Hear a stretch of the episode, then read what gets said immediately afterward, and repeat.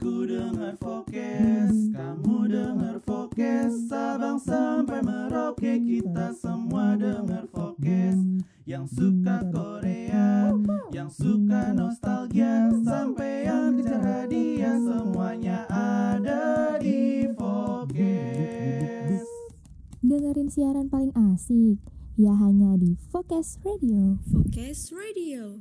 Bring your voice to the world. Halo Focaster, selamat pagi, selamat siang, selamat sore, dan selamat malam. Welcome back to Focus on Podcast Bersama Selo, Indi, dan juga Nada Hari ini kita kedatangan tamu spesial di podcast Kamu Inspiratif Dan hari ini tamunya ini sosok yang kece banget Ada Bang Faldo Maldini Halo Bang Faldo Ya, hai. Di sini kita mau ngobrol-ngobrol sedikit nih sama Bang Faldo nih. Kita mau belajar sama kayak topik eh, kita hari ini yaitu belajar tanpa titik, Bang. Kita mau nanya dulu mungkin Bang Faldo sekarang kesibukannya apa, Bang? Belakangan, Bang. Iya, eh, pandemi sih memang kesibukan kita kayaknya lebih baik bertahan hidup kali ya. Jadi kita kembali lagi ke asal muasal segala sesuatunya sih kalau menurut saya terkait pandemi ini.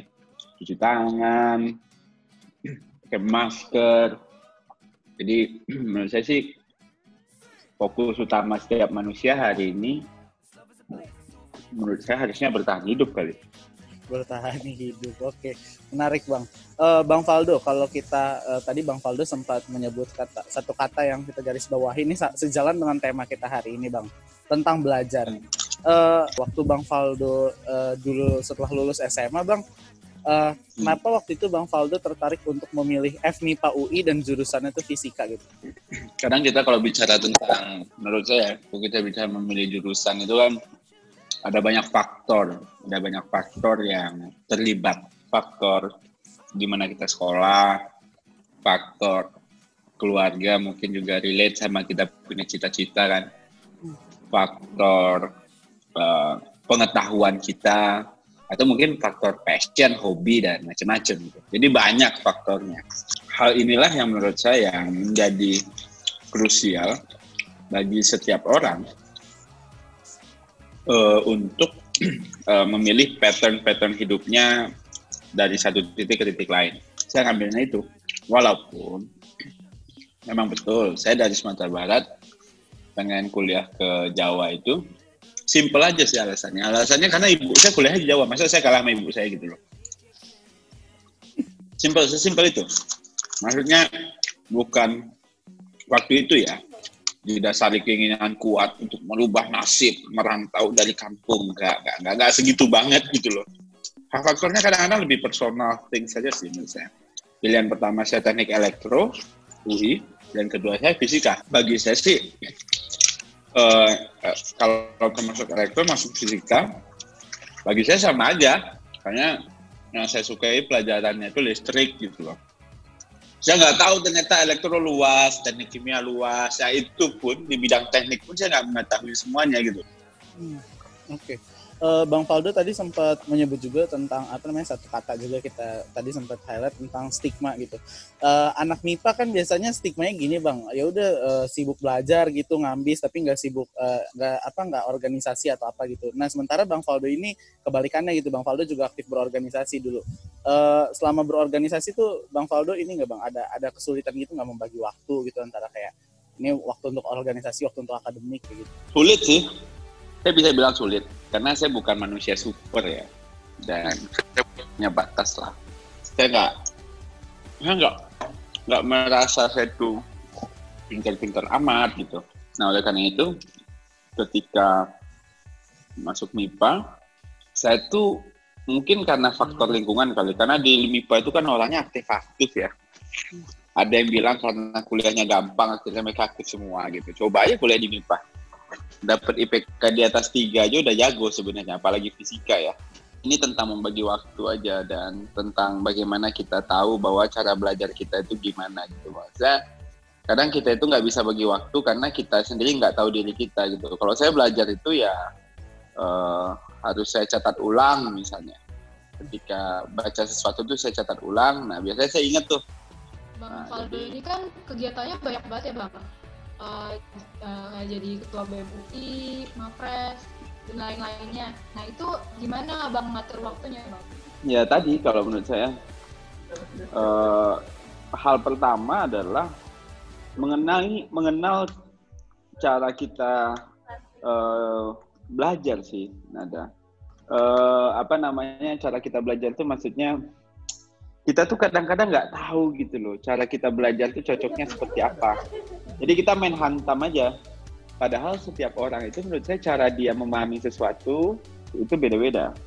Nah problemnya uh, kita itu kadang-kadang tidak tidak paham gitu loh. Maksudnya saya pengen nanya misalnya ke teman-teman. Teman-teman cara belajar gimana sih? Apakah nonton video itu bisa? Kalau saya nonton video doang tanpa saya catat saya nggak bisa nah jadi itu sih intinya sih nada menurut saya kenapa orang bisa survive itu. Karena dia bisa berkaca dia punya skill itu apa. Bagi saya itu kadang-kadang bahkan cara bagi waktu cara ngeset prioritas cara A B C D itu cuma technical metode aja Nah, setelah lulus dari UI kan yang kita tahu Bang Faldo ini kan dapat beasiswa nih Bang. Uh, ada nggak sih Bang tipsnya gitu? Boleh dong dibagi ke pendengar Focus Radio gimana tipsnya biar kita bisa kayak Bang Faldo gitu? Kalau menurut saya ya ini intinya sih, ini intinya ya adalah pertama kita tahu bahwa ini gamenya nggak sama kayak kita masuk kuliah satu. Kalau kuliah satu kita harus melewati tes yang bernama SIMAK, tes yang bernama ini, itu, ABCD itu kan. Nah, jadi ya suka nggak suka, kita nggak suka matematika, minimal kita bisa matematika dasar. Nggak bisa jawab 15, minimal jawab 5 gitu loh. Bahasa Indonesia kita nggak ngerti, nggak suka, suka nggak suka kita harus berhasil menjawab setidaknya 4, 3, 2, atau nggak minus lah nilainya. Gitu. Nah, game masuk kuliah ke luar negeri atau kuliah S2 itu beda. Yang dilihat adalah uh, diri kita sendiri gitu loh. Jadi intinya dari tadi yang saya omongin itu ini tentang ngaca aja sih. Gitu. Kita tuh ngaca, kita tahu kita tuh kurangnya di mana gitu loh. Misalnya kita tahu kita tuh nggak bisa bahasa Inggris gitu, atau TOEFL kita jelek, IELTS kita jelek. Tapi kita nggak mau les gitu loh. Tapi pengen kuliah ke luar negeri itu kan nggak masuk akal gitu loh. Dari pertama kali masuk UI semester 1, saya sadar, oh saya harus kuliah lagi. Nah untuk kuliah lagi, saya harus bisa bahasa Inggris, saya harus punya beberapa sertifikat apa saya harus punya kepemimpinan, life skill, non skill, dan mungkin kampus IPK harus tiga gitu loh. Nah ini kan ibarat kayak manusia aja gitu. Uh, dan saya memang waktu itu juga merencanakan udah jadi politisi juga gitu loh. Yang saya nggak tahu terjadinya itu secepat ini, itu yang saya nggak tahu kenapa gitu loh. Gitu bro. Terakhir nih mas. Bang. Terakhir, pesan-pesan ada nggak sih mas pesan-pesan yang mau disampaikan kepada penonton? Ya kalau saya sih ini kan kita lagi ngadep kaca nih. Nah, mending kita banyak-banyak ngaca aja dalam hidup nih. Jadi kita tahu kita punya kekurangan di mana gitu, kita punya kelebihan di mana, kita punya apa di mana. Jangan ikut-ikutan, jangan drama, jangan lagi dipertentangkan mana lebih penting mana kak organisasi atau akademik gitu ya dua-duanya penting gitu ya tapi IPK kan tidak menjamin dapat kerjaan kak. Orang IPK gede aja nggak dapat kerjaan apalagi lu kalau IPK-nya kecil gitu loh. Ya kan gitu gitu. Kita kadang-kadang mencari pembenaran atas ketidakmampuan kita gitu loh. Mungkin bahasa uh, umumnya tuh tahu diri kali. Kalau kita nggak bisa ya pelajari. Kalau kita pelajari dalami. Kalau bisa ajarin ke orang gitu loh. Itu aja sih pesan saya sama teman-teman. Jangan terlalu terlalu merasa bahwa anda orang paling menderita di atas bumi ini. Oh, iya enak aja lulu kuliah di UI guys gitu kan. Jadi ya masih banyak orang yang nggak bisa sekolah. Ataupun masih banyak orang yang pengen kuliah ke di UI tapi nggak dapet gitu. Ya tapi kan saya cuma vokasi kak. Ya ya itu dia. Karena lu vokasi itu lu masih harus bersyukur gitu loh ya kan? Karena gue memilih ini karena ini lebih teknikal kak jurusannya. Justru itu yang lebih dibutuhkan sekarang gitu loh. Kadang-kadang sarjana itu kan tahu banyak hal tapi nggak tahu apa-apa gitu loh. Hmm. Ya bisa jadi kita lebih butuh orang yang bisa kerja biarlah dia analisis sama anak buah kan gitu aja cara berpikirnya. Terima kasih banyak Bang Faldo sudah mau mampir. Oh, sama. Di wawancara kita. Yo, Terima kasih ya banyak ya, Bang. kuliahnya. Siap Bang. Ya, iya, terima, terima kasih Bang, bang. Faldo. Sukses terus. Sama-sama guys.